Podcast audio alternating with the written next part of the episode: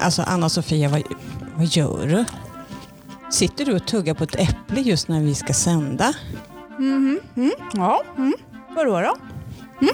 Ja, men alltså, varför, varför tuggar du på ett äpple nu? Jag har faktiskt hört att man poddar mycket bättre om man äter ett äpple. Va? Man får en bättre röst. Inte lika raspig. Du kanske skulle prova? Ja, men åh, du har en fin röst, så stoppa undan det där äpplet nu så kör vi.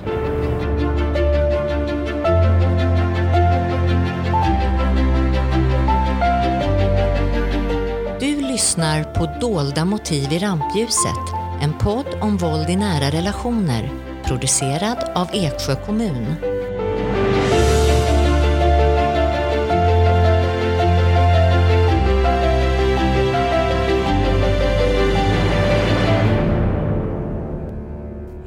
Välkomna till ett nytt avsnitt av Dolda motiv i rampljuset. Jag som pratar heter Pernilla och vid min sida så har jag min kollega. Anna-Sofia och vi arbetar på socialtjänsten i Eksjö kommun. Men Pernilla, vad ska vi prata om idag? Eh, Jag tänker först innan vi tar det så vill jag alltså bara tacka för den här fina responsen som vi faktiskt har fått från vår eh, föregående avsnitt. Så att det är vi väldigt tacksamma för. Och, eh, men jag tänker i detta avsnitt eh, så ska vi faktiskt diskutera om våld inom äldre och de som tillhör den här personkretsen LSS. Och detta är ju då på grund av de här konsekvenserna då av eh, corona. Och vi ska ta upp lite olika begrepp och vad det innebär för de äldre och de inom LSS och vem har rätt till stöd och vilken hjälp kan du få av socialtjänsten. Men då tänker jag att då måste vi nu förklara vad är LSS för något? Och det står ju då för lag om stöd och service till vissa funktionshindrade. Och I den lagen står det då att personer med funktionsnedsättning ska kunna få hjälp att leva som andra. Sverige har flera lagar som hjälper människor med Eh, funktionsnedsättningen och det är det vi gör då, att vi förkortar den då till LSS.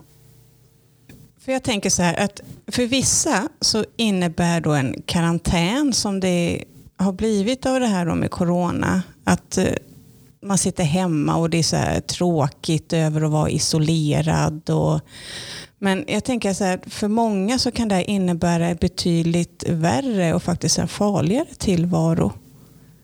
Det är liksom så att eh, för en del personer så är, är faktiskt hemmet den allra farligaste platsen man kan vara på.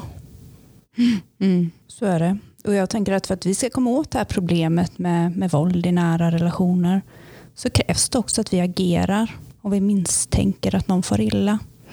Så eh, var uppmärksamma på det runt omkring er. Våga fråga, det har vi pratat om innan. Knacka på kanske, var lite modiga. Orosanmäl eller ring 112. Mm. Och det är just det, hellre en gång för mycket En en, gång gång för för lite. Mm. Mm. Mm. För även här kan vi se att våld mot äldre kvinnor är ett dolt samhällsproblem. Jag undrar alltså vad det kan bero på. Alltså jag, jag tror att det är brist så lite på kunskap, förutfattade meningar och att man generaliserar liksom och försvårar för de här utsatta. Vi pratar nu om kvinnor då, just att få hjälp. Så. Mm. Och Det vi vill lyfta fram är just att våldet går inte i pension. Gör det? Nej. 65 år. Jag tänkte jag skulle försöka sluta jobba då och vara hemma men Mm. Nej, det går ju faktiskt inte i pension. Det, det har du faktiskt helt rätt i. För att de här svenska studier nu som har visat att 16 procent av kvinnorna och eh, här har vi 13 procent av männen har faktiskt erfarenhet av våld efter sin 65-årsdag. Mm. Eh, och sen är det ju så att majoriteten av våld i nära relation utövas av män mot kvinnor. Men det är vanligt att man som äldre blir utsatt av ett vuxet barn eller ett barnbarn eller en vårdare. Mm, mm. Ja, det är det vi pratade om i förra, liksom, att Mm. det, det kan ju liksom ske av vem som. Mm. Så. Och det är faktiskt vanligare då också att den som har en sjukdom eller en funktionsnedsättning på grund av ålder utsätts för våld. Mm. Och Det är inte heller ovanligt att även män utsätts för våld av sin partner. Nej, och, och där kan vi också se, för att vi har pratat mycket just om eh, mäns våld mot kvinnor och Mm, även att vi på socialtjänsten säger våld i nära relationer. Men så kan man faktiskt se här just när det gäller den här äldre Mm. eh, populationen att eh, det är mycket män också som är utsatta. Och jag tänker så här, är det payback time nu? att Mm. nu är liksom den andra partnern då i, i ett överläge som kanske har varit i ett underläge i hela deras äktenskap. Alltså, det är så lite egna reflektioner som jag har gjort bara. Jag vet inte hur du Mm. tänker. Mm. Men Mm.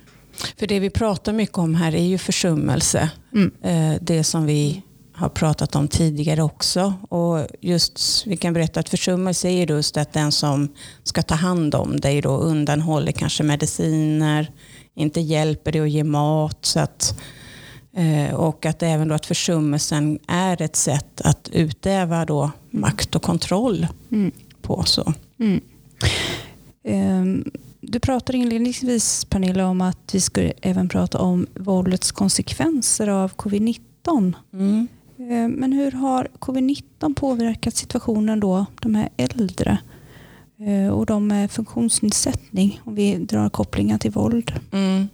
Nej, men jag tänker här nu samhällets insatser här nu för att förhindra och minska den här smittspridningen då under eh, corona här. Och det blir då genom bland annat olika restriktioner. Att eh, man ska inte gå ut, vissa samhällsfunktioner eh, stängs ner. Och det här medökar ju då en ökad isolering för de som kanske redan har svårt att ta sig ut då. Och eh, då pratar man just om de här utsatta grupperna då, såsom personer med funktionsnedsättning och eh, även äldre personer. Så att eh, den här isoleringen den ger ju ett ökat eh, beroende av närstående. Eh, också en ökad risk att utsättas då för eh, våld i nära relationer men även mäns våld mot kvinnor och vi kan även ta in här hedersrelaterat våld och förtryck också. Mm. Mm. Eh, Och just det att den här isoleringen som du beskrev att det är svårt att få, få hjälp och Mm. stöd. Det är svårt att bli, ännu svårare att bli uppmärksammad Mm, innanför mm, mm. hemmets väggar. Ja, men det håller jag med dig om, Mm. eh, absolut. Och eh, en riskfaktor eh, är just det här lite att det finns några stereotypa föreställningar som utgår då från en eh, individs ålder.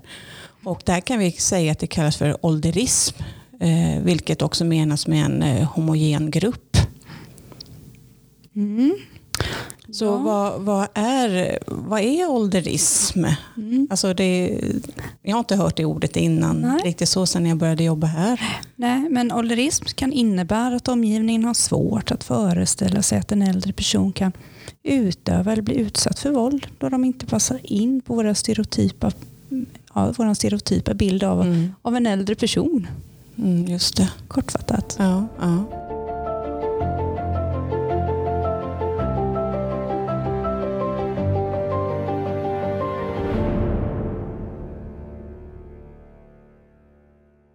Just det där att våld mot personer med funktionsnedsättning inbegriper även annat våld förutom det fysiska, psykiska och sexuella. Mm. Utan här handlar det även om, om våld som är riktat mot intellektuell, fysisk eller psykisk funktionsnedsättning. Mm. Och det var väl det vi pratade om i, i förra avsnittet, Mm. men vi går in i det nu också. Om hur lätt det kan vara att försvåra och begränsa till exempel min rörelsefrihet. Mm. Om jag inte skulle Mm. kunna se. Mm. Ja, ja, men det, det är ju så det att det kan ju innebära då att en person då blir ju det här förvägrad nödvändiga hjälpmedel för att klara liksom sin vardag. Och det kan handla om att förstå, höra eller att gå eller att se. Så att om vi säger att jag, som vi pratade om sist, är att jag börjar och möblerar om här inne. Mm. För att då hittar inte du för att du är blind. Nej, då kommer jag ju ligga här i ett hörn och du Ja, jag fortsätter stå ja, och ja. skratta som du. Ja men exakt, och kan utöva min kontroll och makt. Eller så Mm. plockar du ur eh, batterierna från din hörapparat så att jag hör ju inte vad du säger. Nej, Nej, det kan Eller ju, det någon kan ju bli ganska skönt säger. för dig. det kan vara ju kanske skönt men jag tänkte jag hör ju inte vad andra säger. Nej. Och då kan ju inte jag förmedla mig Nej. heller. Nej. Och det är väl det lite vi vill komma fram till här Ja. också. Ja, och, och ibland så är gränsen så, så skör mellan Mm. faktiskt vad som är jag tänker något uträknat, att man har planerat. Och det är ju det vi pratar om våld. Mm. Det är ju någonting som man gör för att man ska mm, få ett förväntat ja, resultat. ja, precis. Du vill ha det här snabba Mm. resultatet. Eh, Men vad är det som gör att det kan vara så svårt att upptäcka att det förekommer våld mot en person som har en funktionsnedsättning? Ja, men det finns ju olika hinder då för att våldet mot personer med, som har en funktionsnedsättning eller äldre, att det ska upptäckas då av omgivningen. Och det kan ju vara att funktionsnedsättningen i sig hindrar då den våldsutsatta att berätta om våldet. För det kan ju vara att personen inte har något tal eller att hon inte kan samtala med andra utan att våldsutövaren finns med. Mm. Mm. Och det, oftast de lämnar ju inte ens sida, gör Nej. de ju inte, utan de, de finns ju där hela Mm. tiden. Mm. Men jag tänker också att det finns en del fördomar som kan bidra till det här. Ja, faktiskt. Eh, det har ju gått mycket då att, jag säger till exempel att eh, personer med funktionsnedsättning, att de ses som könslösa eller icke-sexuella. Och det påverkar ju också vilken omfattning omgivningen kan föreställa sig då Mm. eh, att den här personen faktiskt kan utsättas för eh, sexualbrott. Mm. Mm. Så det, det, Det är riktigt skrämmande. ja, men det, det är Ja. faktiskt det att de fördomarna fortfarande faktiskt finns. Mm. Eh, Och en annan fördom är just det att personer med funktionsnedsättning de lever i en skyddad Ja, skyddat från värld, omvärlden. omvärlden ja. Ja, Ja, de, det, de är ju i sin bubbla så Ja. att säga. det är ingen som kan skada dem. Ehm, Och det är väl det många tror också, kan jag tänka mig, de som Mm. eh, arbetar eller kanske man är personlig assistent eller du jobbar på ett Mm, eh, mm. boende. mm. Så. Och då, ja. Ja, för det, det kan vara svårt att föreställa sig att den som ska hjälpa Mm. hjälpa mig till Mm. exempel eller eh, en anhörig eller en ja, Mm. någon annan viktig person som, Mm, man mm. som finns det en beroendeställning till Mm. skulle kunna vara potentiella våldsutövare. Ja precis, för det är just det du pratar om här, just Mm. det här med beroendeställningen då, Mm. eh, som de har då till sin omgivning just för att klara sitt dagliga liv. Och det gör ju då, även det här beroendet kan ju bidra till en orsak att den här våldsutsatta personen då stannar kvar i relationen Mm. eh, där personen då utsätts då för våld. Mm. Så särskilt kan man också även se kvinnor med psykisk funktionsnedsättning så kan det finnas en rädsla också att inte bli trodd. Mm. Och Det finns det säkert också även för män. Men just här kan vi se Mm. eh, utifrån forskning och sånt där att, eh, att de just har tagit upp om kvinnor. Mm. Eh, och, och där vill jag gärna också påminna våra lyssnare om att, som vi sa, som vi har sagt tidigare, att våld i nära relation finns i alla samhällsklasser, religioner, åldrar och etnicitet. Mm, mm. Det är ju det att män som utövar våld mot kvinnor i nära relationer är sällan idealtypen för gärningsmän. Utan de har en personlig relation till offret eh, som oftast framhåller deras positiva sida. Likväl som att kvinnor som utsätts för våld i nära relationer är sällan idealtypen också för brottsoffer. Så här kan man liksom se, men han som är så trevlig, han har ju aldrig höjt rösten. Nej. Eller han ser ju jätteproper klädd ut och de bor ju i ett stort fint hus. Mm. Och det är också våra fördomar vi vill slå hål lite på faktiskt. Att Mm. det finns i alla samhällsklasser och det kan vara liksom vem som helst. Mm. Och det är även om vi tänker då de äldre. Mm. Att ja, men ska, jag ska ta en herre på 85 år. Han kan väl inte slå sin fru till exempel. Eller tvärtom att frun som är så, hur ska hon orka Mm. slå ner mannen? Nej. Men det kan förekomma så mycket annat där bakom som ligger i grund. Och jag tänker då lite på det här latenta våldet. Ja. Och, och just för den känslan det latenta våldet bygger upp. Att, eh, jag Mm. tänker att det kan handla om gamla. Mm. Det kanske har förekommit fysiskt våld tidigare. När de var yngre. Ja, ja. Man utgår från ett Ja, äldre par. Ja. Eh, Men med åren så har det fysiska våldet avtagit. Mm. Och sen så, men minnena från vad, eh, ja, vad som kan, Mm. kan ske. Och då kanske det psykiska ökar istället. Ja, men just det, ja, För just för kontrollen där tänker Mm. jag. Eh, och att det räcker med en blick eller att eller jag sätta ner låter- käppen. Ja, Ja. precis. Det kan ju bara vara eh, hur de säger att eh, ja, något som vi kanske inte uppfattar som att det skulle vara ett indirekt hot. Nej. Men den som har varit utsatt för det kanske i 50 års tid vet exakt vad den blicken, vad det ordet betyder. Ja. Så. Mm. Mm. Men om jag misstänker att eh, det är en person eh, Mm. som har en funktionsnedsättning utsätts för våld, hur ska jag då gå tillväga? Det kan vi tipsa våra eh, lyssnare. Ja, men jag tänker så här om du arbetar då inom eh, vården så där, det är att man lyssnar, man ställer frågor om deras behov och önskemål och eh, om deras funktioner. Och jag tänker även de som är då en parrelation. Att man kan dela på paret så att man liksom pratar med en och en så att, den som, så att båda får komma till tals på, på få samma bemötande. Så, så tänker jag lite så. Mm. Vi pratade lite tidigare också här om det här med beroendeförhållanden. Mm. Ehm, Jag vet inte om vi behöver beröra det lite mer. Om, om Det är ju aldrig fel tänker Nej. jag. vilka är det som skulle kunna vara i, i beroendeställning? Nej, eller, eller skulle man kunna ha, vara i beroende av, ska vi säga. Ja men precis. Eh, nej men många våldsutsatta och särskilt då med en funktionsnedsättning är ju beroende av andra i, i sitt dagliga liv. Och även de äldre som man kanske har hemtjänst eller sådär då. Och det handlar ju då om vård och stöd och service som utförs eh, antingen av nära anhöriga eller personliga assistenter. Du åker färdtjänst eller annan personal som eh, står dem nära. Och det är även dessa personer som också kan vara de som upptäcker att någon är utsatt för våld. Men de kan också vara förövarna. Mm.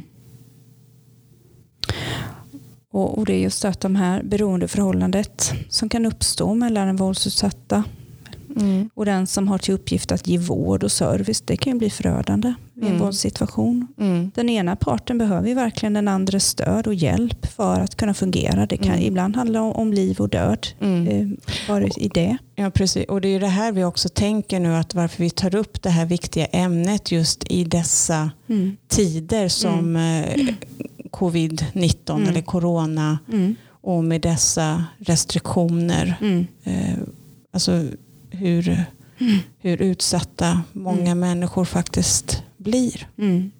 Ja, för det kan ju vara så att det finns en livsviktig medicin. Mm, mm.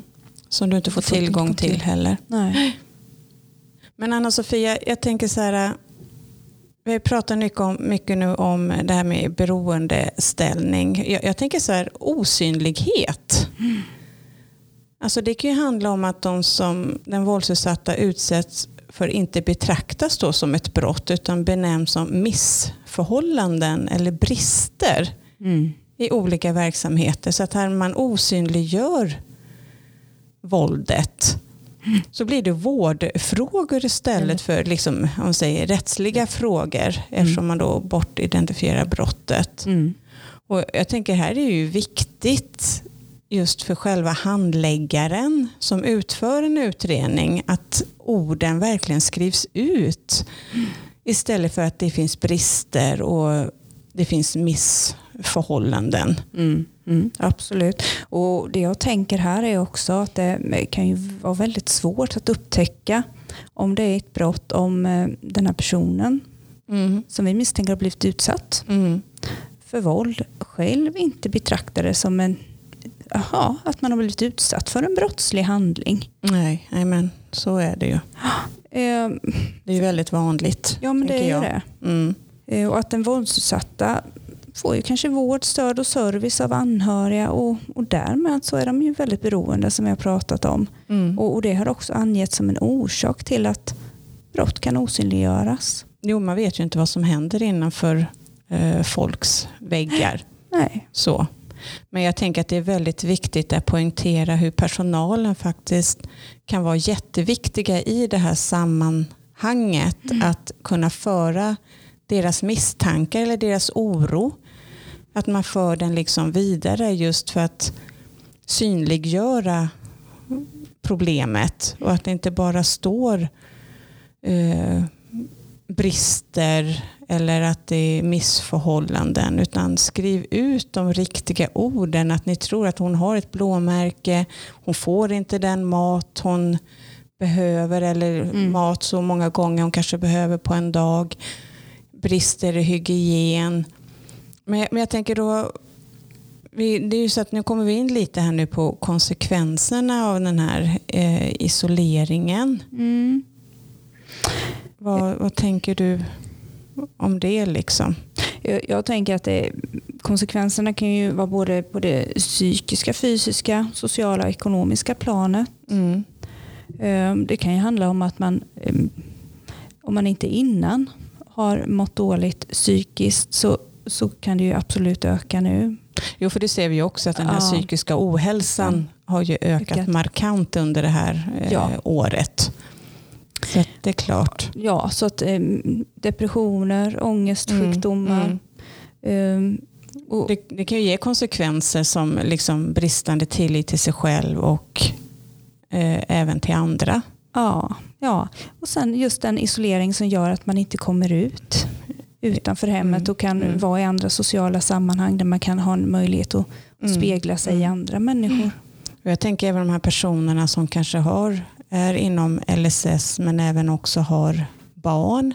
Mm. Att det blir en förs- försämrad förmåga Mm. att vara förälder eh, då den våldsutsatta kan ha svårt att skydda både sig själv och sina Mm. barn. Mm. Men om vi tänker på lite så här tecken och symptom alltså på att våld kan förekomma. Och ibland kan det vara så att omgivningen lägger märken till tecken på att någon kan ha utsatts för våld. Och ibland finns det inga tydliga tecken. Eller, och när det handlar om äldre personer och en del i personkretsen LSS eh, så kan ju de här symptomen även stå för något annat. Mm. Så att de här symptomen kan ju liksom överlappa varandra. Att antingen en sjukdom på sjukdomen eller Mm. funktionsnedsättningen. Mm. Men jag tänker även så här att är du uppmärksam och du har kunskap Mm. om våld Mm. så ökar ändå sannolikheten för att upptäcka Mm. Våld i nära relationer Mm. eller Mm. den här våldsutsattheten. Mm. Eh, Och, och det är ju likadant här vad det gäller de fysiska skadorna. Mm. Eller tecken på fysiska skador ska vi säga. Det Mm. kan ju vara lättare att uppmärksamma. Eh, Men kan det också vara så att eh, den här personen har lätt för att få blommärken redan tidigare. Mm. Men ändå inte bara tänka att ja, ja, men det kan ju vara så att det har hänt någonting för det har det gjort förut. Utan var mer uppmärksam ändå och titta på vad kan det bero på. Kan det uppstått genom våld? Mm. Jag tänker olika sorts frakturer. Ja. Krossskador. Mm. Sår. Stick, stickskador, brännskador. Skador, ja. Ehm, och för det är ju sånt som skulle kunna ha uppstått på grund av slag, sparkar, knuffar, stryptag. Mm. Mm. Jo, jag tänker man ska observera på just vart, vart sitter blåmärkena och fråga gärna kanske flera Mm. gånger hur har Har den här skadan uppstått? Mm. Så, för jag tror att det är väldigt viktigt. Ja, ha en dialog så gott det Mm. går. Mm. Mm. Eh, observera. Mm. Men vad finns det för psykiska reaktioner som är bra att vara observant på då Pernilla? Ja, det är ju samma sak där att det också kan ju gå eh, omlott. Men här kan du ändå upptäcka liksom att eh, eh, vad ska man säga, exempel att du blir tillbakadragen. Eh, så du kanske har varit väldigt glad och aktiv eh, till vissa saker tidigare. Som man tänker, men det här tycker du är roligt att göra. Och man liksom, nej. man håller sig inne. Eh, personen kan även bli utåtagerande och börja utöva våld mot andra eller bli självdestruktiv, att den kanske börjar utföra våldet mot sig själv. Mm. Dessutom kan en våldsutsatt även reagera på att våld genom att undvika vissa personer Mm, eller vissa mm. platser eller motsätta sig fysisk kontakt överhuvudtaget. Mm. Så det tror jag är väldigt viktigt att man liksom ni som känner personen att där finns det faktiskt rätt så många tydliga tecken. Mm. Och Det som nämndes var ju också det här med, med depressioner Mm, och ångest mm, som är mm. vanliga reaktioner på våld. Ja precis, det gäller ju Ehm, alla tänker jag. Ja. Och den som har utsatts kan även utveckla en posttraumatiskt stresssyndrom. Mm. PT, PTSD som vi kallar det för. Ja. Precis. Och våldsutsatta har även en högre risk för självmord. Mm. Eh, Och den här våldsutsattheten kan förstärka annan psykisk ohälsa. Men man måste ju också alltid se, se då att den här psykiska ohälsan kan vara en reaktion då på, på våldet. Mm. Mm. Och sen är att, som vi berättade innan, att den här psykiska ohälsan har ju också ökat ju mer den här äh, isoleringen. Mm. Så att jag tycker att man ska vara lite observant att var det redan innan corona eller börjar det nu och hur lever personen? Liksom? Är den ändå i ett förhållande eller har den någon annan som den då är beroendeställning till? Mm. Men sen får vi inte glömma heller att missbruk kan vara indikation på våld också. Och även tvärtom. Det är ju Nej. ditt ämne tänker jag. Liksom, så du har ju arbetat mycket med det tidigare. Jo men det är ju så att forskningen visar ju på att särskilt kvinnor, nämner de här, Mm. eh, som är utsatta för våld missbrukar alkohol och droger i högre grad än andra kvinnor. Mm. Och är det då just för att de är ju så att de vill liksom fly? Så. Mm. Men det blir en, en utväg att kunna hantera Mm. alla motstridiga känslor, tänker jag. Mm. Eh, eh, och Det kan ju även vara så att det finns ett beroende tidigare. Och Då tänker jag att de här kvinnorna blir då dubbelt våldsutsatta. Eller, Mm. Mm. eh, de har ju en, i en beroendeställning där också. Mm, mm. Det är därför de inte heller, vi ska komma in på det sen också Ja. kanske, att man inte lämnar för att du kanske inte själv kan ge dig ut och till Mm, säg, mm. bolaget och köpa alkohol utan din partner är den som sköter den biten. Mm. Men eh, det vi behöver nämna här och just nu det är väl Mm. att, att våga, även här, att vi vågar ställa frågor om våld men också våga ställa frågorna om den våldsutsattas sattes, ja, alkohol och drogvanor. Ja, ja. Att, hur ser det ut? Mm, mm.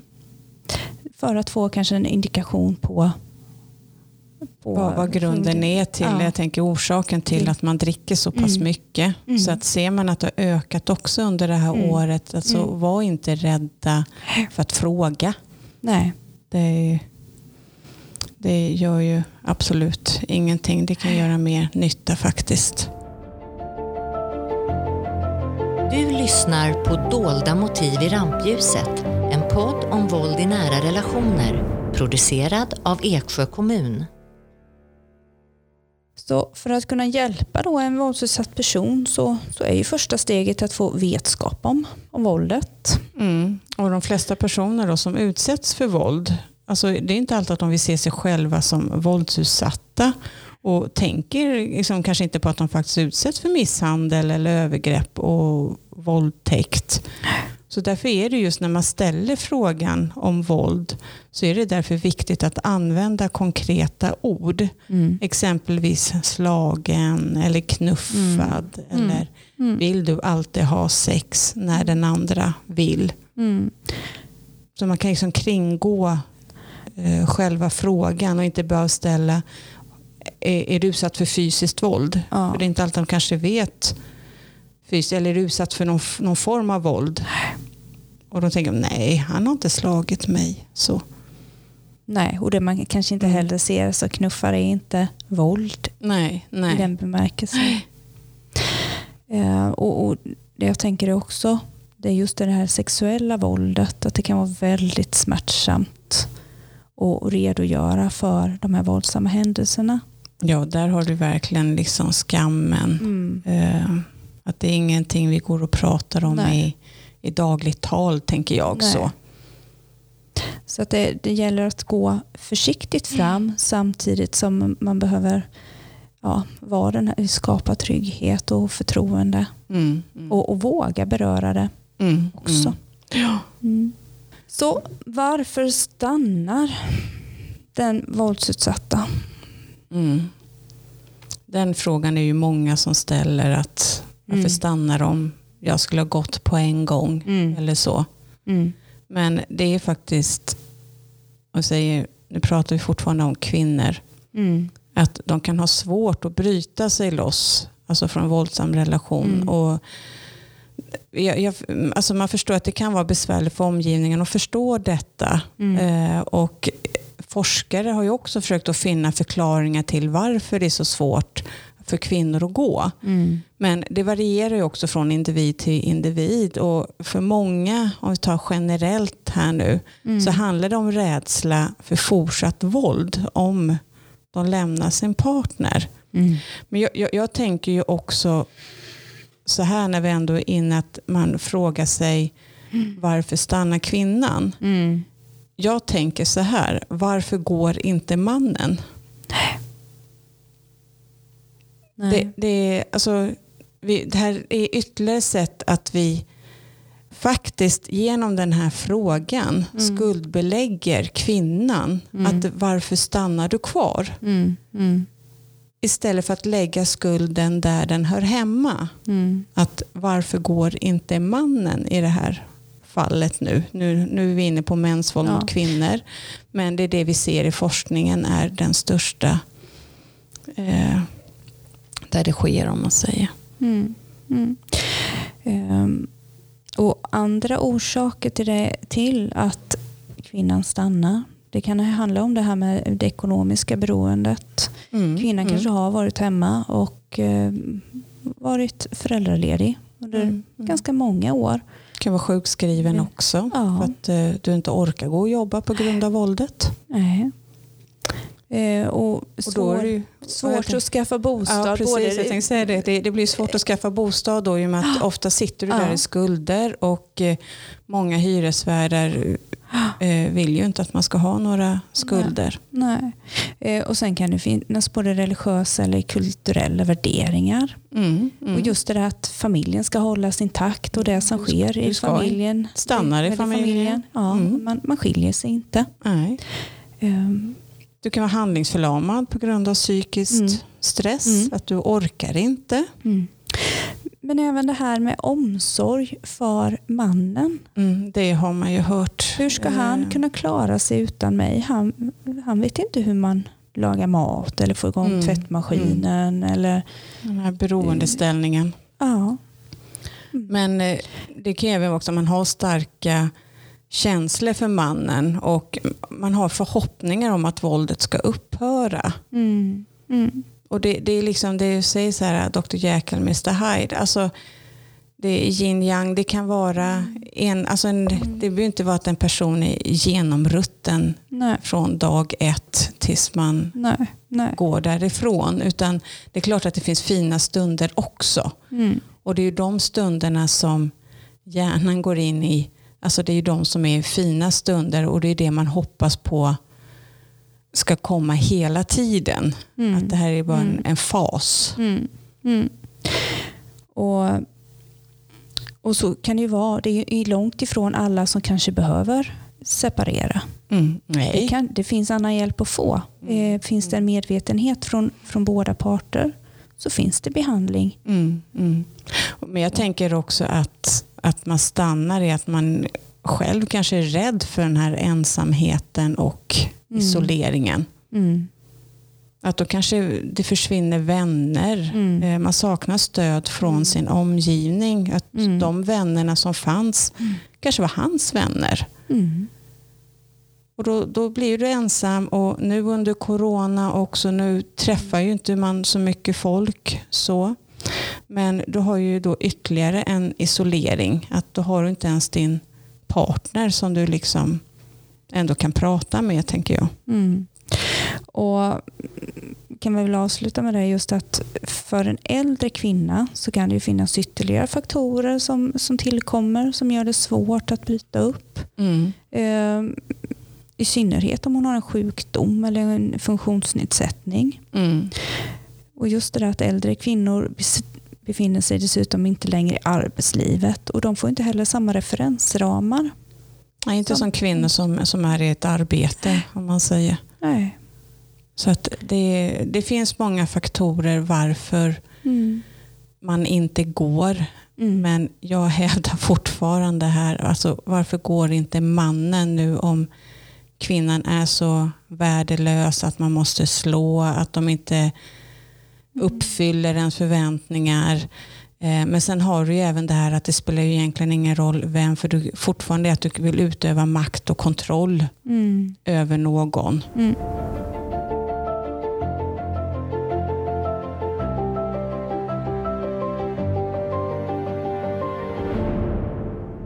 Men jag- tänker lite på det som vi pratade om här tidigare, att, eh, att personen eller den våldsutsatta också kan stå ut med våldet för att det har blivit så normalt. Att hon inte ser det längre, liksom, eller för att hon under så många år har vant sig vid att bli illa behandlad. Mm. Ja, det du pratar om Pernilla, det kallas ju för normaliseringsprocessen. Mm. Och den uppstår ju i våldsrelationer. Och eh, om vi nu, jag benämner det som kvinnan här, så är det Mm. mycket viktigt att omgivningen, personal och, andra i hennes närhet då kan uppmärksamma den här situationen. Precis, att de hjälper till lite. Ja, Eh, att, ett, ett ge referensramar eller andra referensramar för hur det kan vara. mm, mm, eh, och ge sin syn på saken. mm. Um, Ja, det, är det- det, är det andra kan hjälpa till med, Ja, för att successivt så blir ju det normalt Mm. att stå ut med de här kränkningarna, kränkningarna eller eh, ja, verbala påhoppen. Mm, mm. Att det blir undan för undan. Och jag tänker här då liksom att vi kan ge lite tips att och hur och under vilka omständigheter då frågor om våld ställs då, hur betydelsefullt det faktiskt är. Och då kan man ändå liksom fråga, har någon slagit, sparkat eller skrämt dig eller gjort dig illa? Mm. Eller så kan man fråga, "Jag- ser att du har ett blåmärke på armen. Hur fick du det? Då har vi också även synliggjort att det är någonting att de får fråga, inte bara ta för givet att ja, bara för att du är gammal så har du ramlat av dig själv. Så. Och, eller att man kan fråga, jag undrar lite, är, är det något som har hänt dig? Jag ser att du är lite tillbakadragen eller att du Mm. du är inte lika pigg och glad. Mm. För där är ju också en sån där fråga att man kan se, har det hänt något att man är våldsutsatt eller har det med sjukdomsbilden eh, att göra? Mm. Men då kan vi ställa följdfrågor tänker jag Mm. också. Mm, absolut. Och Något annat som är viktigt att ta reda på det är just det om du har eh, hänt någon gång att du har känt dig rädd för någon. Mm. Eh, känner du dig trygg där du bor nu? Mm. Och, och Då kan man kanske få en hint om om det finns flera i hushållet, om det, Mm. eh, om det är någon speciell person. Då, jag tänker det här är mer också lite mildare frågor Mm. men ändå Mm. att de får berätta Mm. själv. Det är inga, inga påhopp eller att de ska behöva känna någon skam och skuld i att svara på de här Mm. frågorna. Nej. Och just det här att om känner du dig trygg med din partner, Mm. då, då pratar vi ju inte eh, benämner vi ju inte våld rakt Nej, upp och ner nej, utan, utan då det- går vi runt det också. Om trygghet Heten. istället. Ja. Ja. Men jag, jag tänker liksom att jag går fortfarande in på att våld i nära relation, att det är ett folkhälsoproblem och Mm. vi måste faktiskt eh, hjälpas åt. Mm. Eh, att vi alla har ett ansvar Mm. för den här utsattheten. Mm. Ja, och, och det här förebyggande arbetet är ju så otroligt viktigt. Mm. Eh, och Mm. där vi behöver samverka med. Bara här inom kommunen, inom olika förvaltningar, men även med eh, andra organisationer, både statliga, privata, Mm. Mm. frivilliga organisationer. Eh, för den utsattheten, den finns ju överallt. Mm. Eh, och som vi sa, i alla samhällsklasser, åldrar. Mm. Och, och därför behövs den här breda, breda kunskapen Mm. inom alla områden och att vi, behöver, vi kommer kunna uppmärksamma det på olika sätt på olika ställen. Mm. Eller beroende Och- på vem vi möter. Precis, ja, precis. Och jag tänker ju liksom just det här att eh, våldet går ju inte i pension när du fyller 65 år utan Mm. det fortsätter, bara att det kan ta sig andra former och Mm. eh, uttryck. Mm. Och jag tänker då liksom det här att många, särskilt äldre kvinnor också, att vet de om sina rättigheter? Mm. Alltså jag tänker så här, frihet från våld är en mänsklig rättighet och det är samhällets ansvar. Och om vi ser då vi som arbetar på socialtjänsten, vi i kommunen, vi har det yttersta ansvaret Mm. att, eh, för att du då som är våldsutsatt får det stöd och den hjälp som du behöver. Ja, och så är det ju. Om du upplever våld som lyssnar eller eh, känner lite hot om våld eller just att din integritet kränks så kontakta någon av oss här Mm. på socialtjänsten. Eller har du en kontakt med en biståndsanläggare så berätta för den. Mm. Och, och det är samma sak om du är anhörig eller stödjare eller barn, barnbarn. Alltså om du är orolig för att någon du känner är utsatt eller att din mormor, farmor, morfar, farfar, alltså någon är utsatt och så kontakta socialtjänsten. Och jag säger också eller sin biståndsanläggare för rådgivning. Att man går vidare men även din chef också.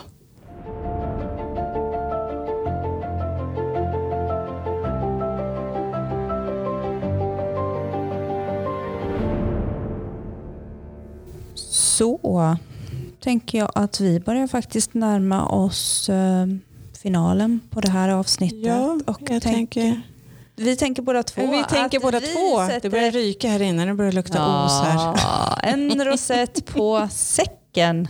Ja, vi knyter ihop den tänker jag. Så vad har vi pratat om idag?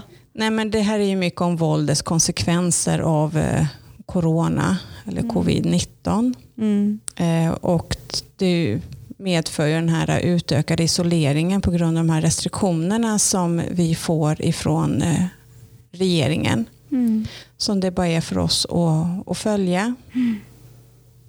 Så vad händer med detta då, Anna-Sofia? Alltså, det jag är rädd för det är att våldet blir mer osynligt och därför Ja. behöver vi fler tentakler ut, Mm. ut Mm. och kunskap och mer ögon. Och sen att vi försöker slå hål på vissa fördomar. Mm. Att våldet går inte i pension. Att vi måste synliggöra att Mm. faktiskt personer som är inom LSS, eh, Mm. vilken personkrets du än är inne i, eh, att det förekommer våld där också. Och det kan även förekomma sexuellt våld med. De är inte könslösa. Nej. Och eh, ha, var, eh, ha ett vidare synsätt där också. Eller Mm. just att vem är våldsutövare? Mm. För det skulle kunna vara vem, som, helst, i Vem det som helst. läget. Eftersom det finns mycket stort behov av stöd och, stöd och hjälp. Mm. Och vi har även pratat om att många kvinnor att de skäms, att de försöker dölja det, eh, att de är utsatta för våld. Och därför tror jag att det är viktigt med att man får upp ett förtroende, att man Mm. vågar Mm. att ställa frågan. Mm. Ett schysst bemötande helt enkelt.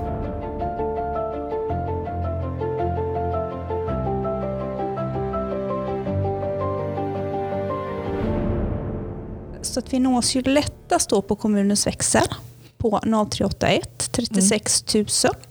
Och där tänker jag då att man kan fråga efter sin biståndsanläggare om man nu har någon. Och har man inga så kan man ju fråga efter oss då på våld i nära relationer. Mm. Men vi har ju även en hemsida också ju.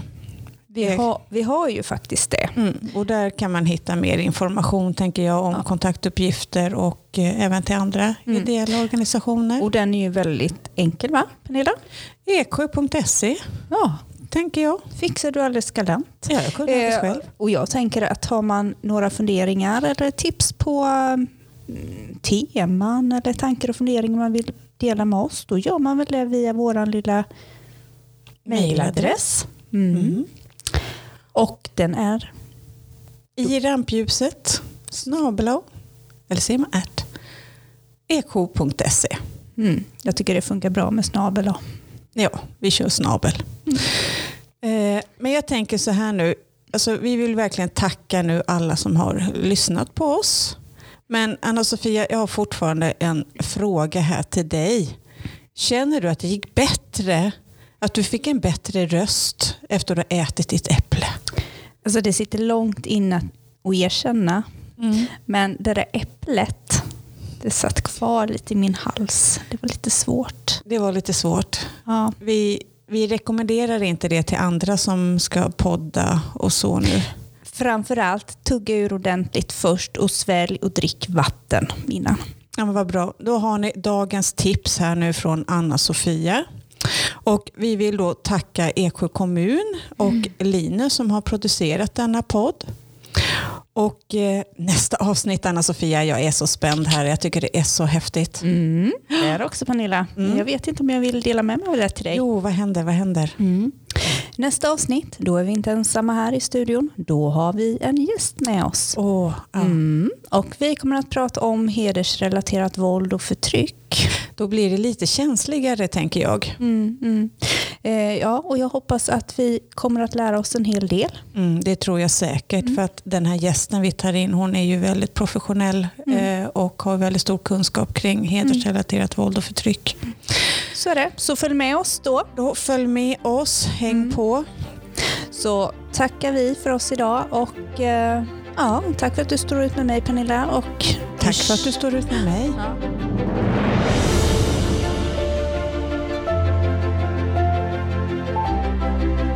Du har lyssnat på Dolda motiv i rampljuset, en podd om våld i nära relationer, producerad av Eksjö kommun.